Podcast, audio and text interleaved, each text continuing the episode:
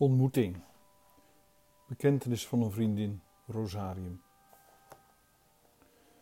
Toen je aankwam lopen, zei je daarbij het Rosarium met instemming van het zomerse geroezemoes van de ineengevouwen stemmen dat boven het terras hing.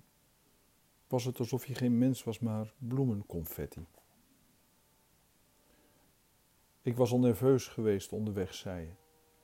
Ik had mezelf gerustgesteld door naar de gele zomeravondhemel te kijken, waarin vrede heerste. Ik had over je gelezen, ergens door een stem in een verloren ooit. Je naam gehoord. Ik wist niet meer waar en daar was je, danser met woorden, met ogen van het leven. En, zei je, ik zat daar veel te gewoon aan mijn rooibosthee en met mijn veel te gewone kleren. Ken je dat? Dat je er zelf niet wil zijn en alleen maar wil kijken en luisteren met je mond open. En dat je onzichtbaar wil zijn. Een golf, een vloeibare duende.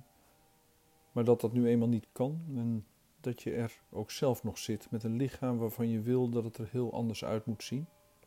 Met je liefde, met te veel jaren in je leden, de angsten en verlangens, maar dan toch ook weer de verwondering, de bewondering voor dat wat het leven voort kan brengen. Ken je dat?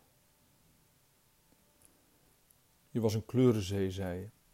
En ik dacht om de een of andere reden onmiddellijk aan een schitterende vlinder van bloembladeren, die ik zag in de tuin van een goede vriendin.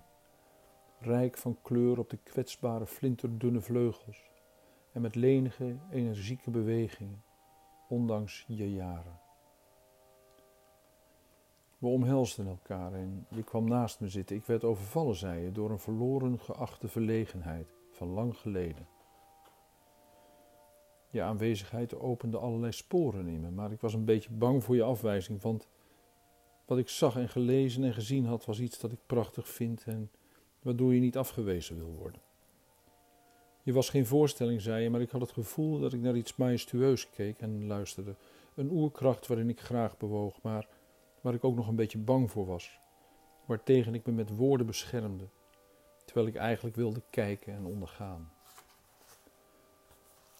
Maar ik dacht met God, ik moet toch ook iets zeggen. Ik ben ook niet helemaal niets. Hij moet niet denken dat ik een dertien in een dozijntje ben. Ik moet iets onderscheidends doen. Ik moet boven mezelf uitreizen. Anders denkt hij dat ik een van die trutten ben. Dus probeerde ik nog wat verhalen en analyses, zei je. Zelden heb ik zoveel onzin bij elkaar gestameld. Ik hing nog even de regisseuse uit, maar te vergeefs. Hou dan je mond ook, dacht ik later, als je kijken en luisteren wil. Als je wilt wentelen in de branding die deze man is.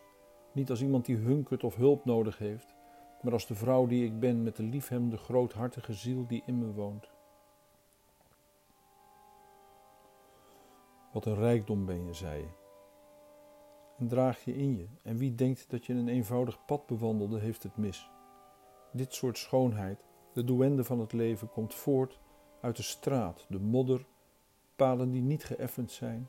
Dit soort schoonheid komt voort uit doorleefde pijn en wordt in een ziel als de jouwe schitterender en zuivender dan chrysopraas.